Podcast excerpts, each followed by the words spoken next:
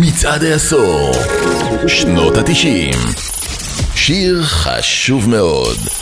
ממש כמו הזוהר הצפוני, ביורק היא תופעת טבע מרהיבה וחד פעמית. היא התגלתה כסולנית של להקת השוגר קיובס האיסלנדית, אבל מהרגע הראשון היה ברור שהיא נועדה לגדולות כאומנית סולו. ב-93 יצא אלבום הבכורה של ביורק, דייביו, וזה היה רגע נדיר שבו כישרון של פעם בדור מתפרץ לעולם בשיא הכוח, בסיוע מיטב הכוחות היצירתיים של התקופה.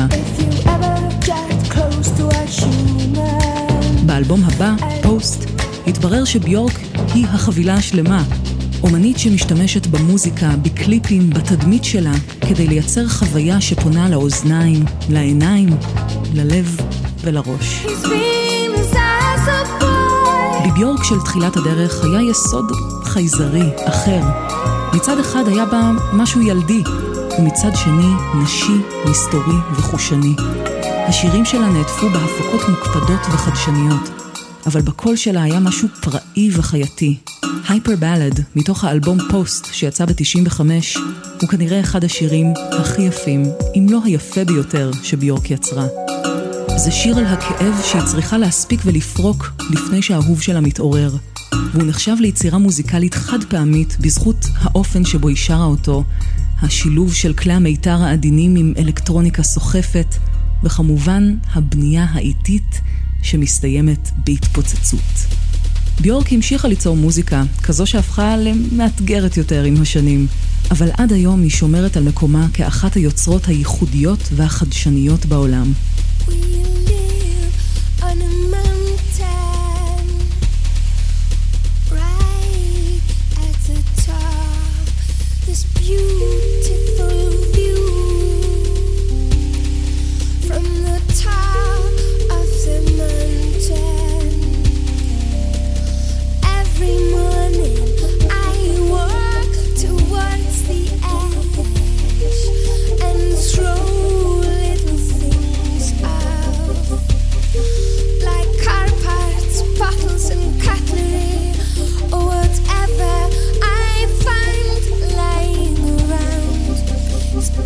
a habit, our way to start the day.